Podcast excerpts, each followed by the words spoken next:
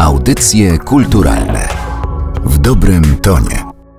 Rozpoczynamy kolejne audycje kulturalne. Przy mikrofonie Aleksandra Galant. Dziś słyszymy się z Białego Stoku, gdzie w Galerii Arsenał możemy oglądać wystawę, chyba można powiedzieć inną niż wszystkie. Wystawę, która swoim tytułem nawiązuje do barda ulicznego, barda chodnikowego, bo tak o Januszu Laskowskim się mówi. Świat nie wierzy łzom. Tymczasem druga część tej wystawy nawiązuje do młodych twórców z Białego Stoku, z Podlasia.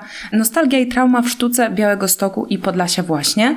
A więcej o tej wystawie opowie jej kurator Tomek Pawłowski-Jarmołajew, który jest gościem dzisiejszego spotkania. Dzień dobry. Czyje prace my możemy na tej wystawie oglądać? Ten tytuł jest trochę też taką prowokacją, bo czym tak naprawdę jest sztuka Białego Stoku i Podlasia? Czy to sztuka, która powstaje tutaj na miejscu, czy to sztuka tworzona przez osoby, które stąd pochodzą?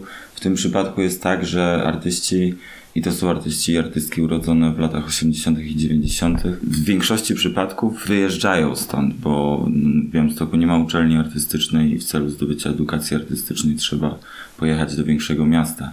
Zazwyczaj ludzie, którzy zajmują się już sztuką, są po studiach, raczej do regionu w to miejsce nie wracają, w związku z tym też można powiedzieć, że sztuka Białego Stoku i Podlasia jest też jakby taką trudną kategorią, którą jakby ciężko zdefiniować. Sztuka tego regionu przede wszystkim kojarzy się ze sztuką ludową. To jest ogromna tradycja, ogromna kultura, właściwie wiele kultur. Mówi się, że Podlasie, tygiel kulturowy, mówi się też magiczne Podlasie, a z drugiej strony, no to jest świat, z którego, tak jak mówiłeś, młodzi ludzie w dużej mierze wyjeżdżają i myślę, że to dotyczy nie tylko młodych artystów. Białystok jest też miejscem, z którego się wyjeżdża, jest to taka tendencja, o której jakby również opowiadamy, bo są wątki dotyczące migracji i osób, które z tym uczestniczą w wystawie, ale również ich rodziców w latach 90. czy dziadków, którzy po transformacji wyjeżdżali na migrację zarobkową, żeby budować lepsze życie dla swoich dzieci, czyli spełniać jakieś aspiracje, potrzeby jakby awansu czy rozwoju. Dla osób urodzonych i wychowanych w latach 90., wczesnych 2000 to jest taki paradygmat. Ta atmosfera, że musimy przejść do przodu, mieć lepsze życie, że nasi rodzice mimo wszystko nam chcieli to zapewnić.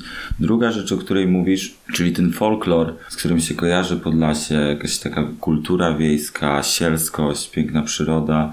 To są takie stereotypy, których jest bardzo dużo prawdy, bo Podlasie jest pięknym regionem z zupełnie wyjątkowymi wsiami, ta kultura wiejska jest też bardzo obecna w Białymstoku, bo to miasto po wojnie było zasiedlone przez osoby z okolicznych miejscowości i wsi i też jakby każdy ma jakąś babkę, rodzinę, krewnych na tej wsi, na innej. Te wątki takiego folkloru, ruralizacji pewnej miasta, czy takiego romantycznego spojrzenia na ten region, również są tu obecne po to, żeby się przyjrzeć temu, co one mogą też przykrywać. Jakie tajemnice te piękne bogate przyrodniczo lasy mogą kryć. Mówiliśmy o tym, że to są okolice, z których się wyjeżdża, które mają bardzo trudną historię, a z drugiej strony tytuł wystawy to jest nostalgia i trauma. Jest tam też ten element nostalgii, czyli jakiegoś sentymentalnego powrotu, no bo przecież wszystkie mamy jednak jakiś sentymentalny stosunek do dzieciństwa, czy jakieś marzenie, wyobrażenie domu, wspomnienia, które nam się kojarzą z jakimiś przyjemnymi rzeczami. Sielskie dzieciństwo. Tak, sielskie dzieciństwo. I tutaj, kiedy artystki i artyści dzielą się wspomnieniami z dzieciństwa, mimo tego, że czasem wiążą się one też z trudnymi przeżyciami, to opowiadają o, o tym z nutą sentymentu, z nutą nostalgii jakiejś też takiej przyjemnej, no i właśnie sielskiej. Wystawa składa się z prac kilkunastu młodych artystów i mam wrażenie, że prezentowane są właściwie wszystkie rodzaje sztuk audiowizualnych. To są prace osób urodzonych w latach 80. i 90., w których są również jakby 40-latkowie już prezentowani. Więc to są różne pokolenia, obok jakby takich osób, które są bardziej rozpoznane, jak Alicja Rogalska, Kuba Dąbrowski. Są też osoby bardzo młode i powiedzmy jakoś debiutujące, dwudziestoparoletnie. Więc trudno tu powiedzieć o jednym pokoleniu, ale rzeczywiście to zróżnicowanie jakby wiekowe też się odbija. Jest również zróżnicowanie jakby jeśli chodzi o media, bo pokazujemy, tak jak wspomniałeś, bardzo różne rzeczy. Malarstwo na drewnie, tkaninę, prace wideo, prace dźwiękowe, tradycyjne malarstwo, rzeźby, rysunki, instalacje, grę komputerową, czy też dokumentację projektów performatywnych. W jaki sposób w tych pracach można wyczuć, czy można zauważyć, czy prace artystów pochodzące z tego regionu, tak jak zwrócić uwagę, nie jest to jedno pokolenie, ale jest to jeden region, czy je coś łączy? No, tytuł sugeruje, że to jest ta nostalgia i trauma, o której rozmawialiśmy, ale czy rzeczywiście w tych pracach to jest zauważalne? To jest zaproponowana przeze mnie rama kuratorska, która zaprasza do tego, żeby czytać pracę tych artystów poprzez jakiś związek z regionem i ja w tych prezentowanych tutaj pracach szukałem jakichś połączeń z lokalnymi narracjami, historiami, to w dużej mierze są to też bardzo osobiste wypowiedzi, czyli jest to wystawa zbudowana z takich wielu pojedynczych, osobistych narracji. Te narracje, mam nadzieję, w tych osobistych historiach można odnaleźć również gdzieś tam echa własnych. To są bardzo różne historie, w których Często są nawiązania raz do jakichś wątków autobiograficznych, czyli do historii rodzinnych. Tutaj jakby takim tym przykładem, o którym już wspomniałem, jest część wystawy, w której jest sporo prac dotyczących migracji i migracji zarobkowej rodziców, jak praca Grażyny Moniki Olszewskiej, czyli gra komputerowa, bazująca na zdjęciach i wypowiedziach z archiwum jej matki, która pracowała w Chicago czy rodzice Izy Roguckiej, którzy dzięki pracy zarobkowej otworzyli lodziarnię w Białymstoku, więc jest to praca jednocześnie o nieobecności, ale też jakimś zupełnie kolorowym, słodkim dzieciństwie. Są też prace, które mówią po prostu o osobistych doświadczeniach i traumach, takich jak doświadczenie molestowania seksualnego, czy tożsamościowe, czy zmagania się z, ze zdrowiem psychicznym, ale również takie, które mimo że wyglądają na pierwszy rzut oka atrakcyjnie, to mają pod spodem taką podświadomą czy podskórną warstwę, która dotyka trudniejszych tematów. I może to jest jakby to połączenie nostalgii i traumy, bo też mi zależało na tym, żeby wystawa była atrakcyjna wizualnie, żeby się chciało oglądać, żeby ją można było oglądać, jakby przyjść i wynieść z niej jakiś rodzaj przyjemności i zachwytu, ale jest ten drugi poziom, w zestawieniach tych prac, w tych pracach, kiedy się wsłucha w tę historię, która jakby już prowadzi do takiego zrozumienia, jest może taką okazją do wysłuchania właśnie tej opowieści o tym, co to tak naprawdę znaczy też wychowywać się tutaj, ale też co to znaczy być wykorzenionym, wyjechać z domu i za nim jakby też w jakiś sposób tęsknić.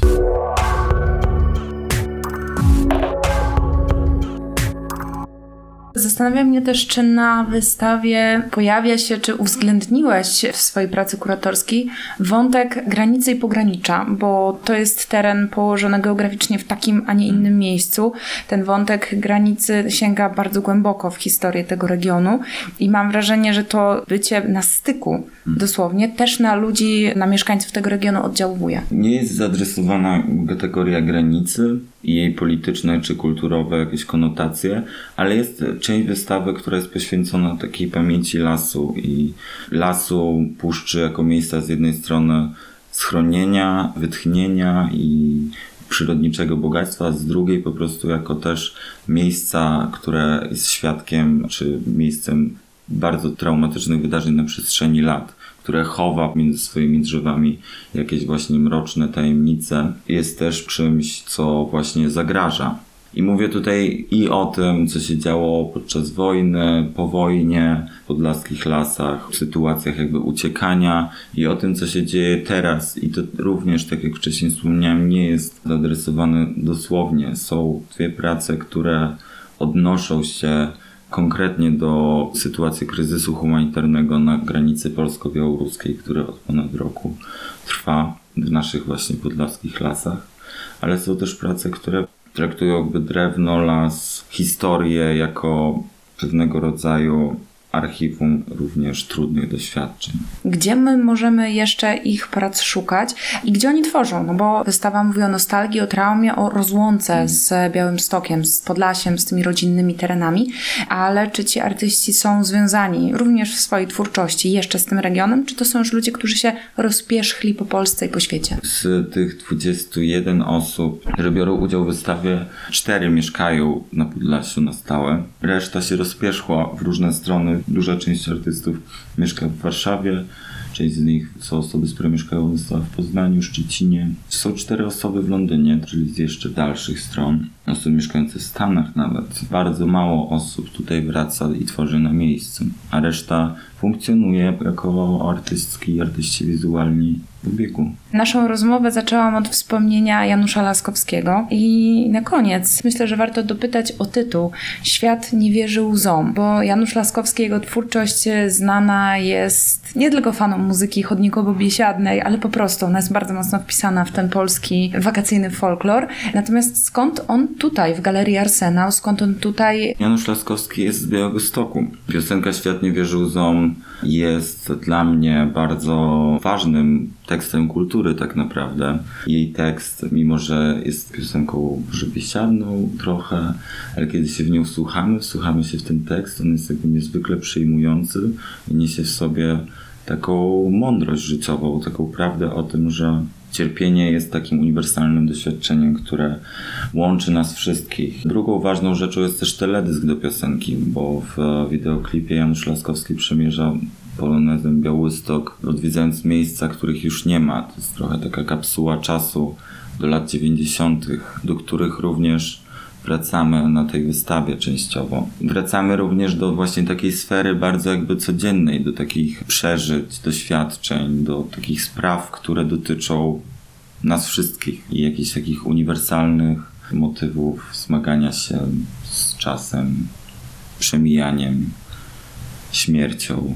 Stąd też ten tytuł, który również jest bardzo chwytliwym tytułem. A jeżeli chcecie na własne oczy przekonać się, jak tytuł piosenki Świat nie wierzy łzom ma się do twórczości i sztuki artystów urodzonych w latach 80. i 90. na Podlasiu, a także w ogóle poznać ich twórczość, to nie pozostaje mi nic innego niż zaprosić Was do Galerii Arsenał w Białymstoku. No i właśnie, do zobaczenia wystawy Świat nie wierzy łzom, nostalgia i trauma w sztuce Białego Stoku i Podlasia, a kurator tej wystawy, Tomek Pawłowski-Jarmołajew, był Waszym i moim gościem. Bardzo dziękuję. Dziękuję serdecznie.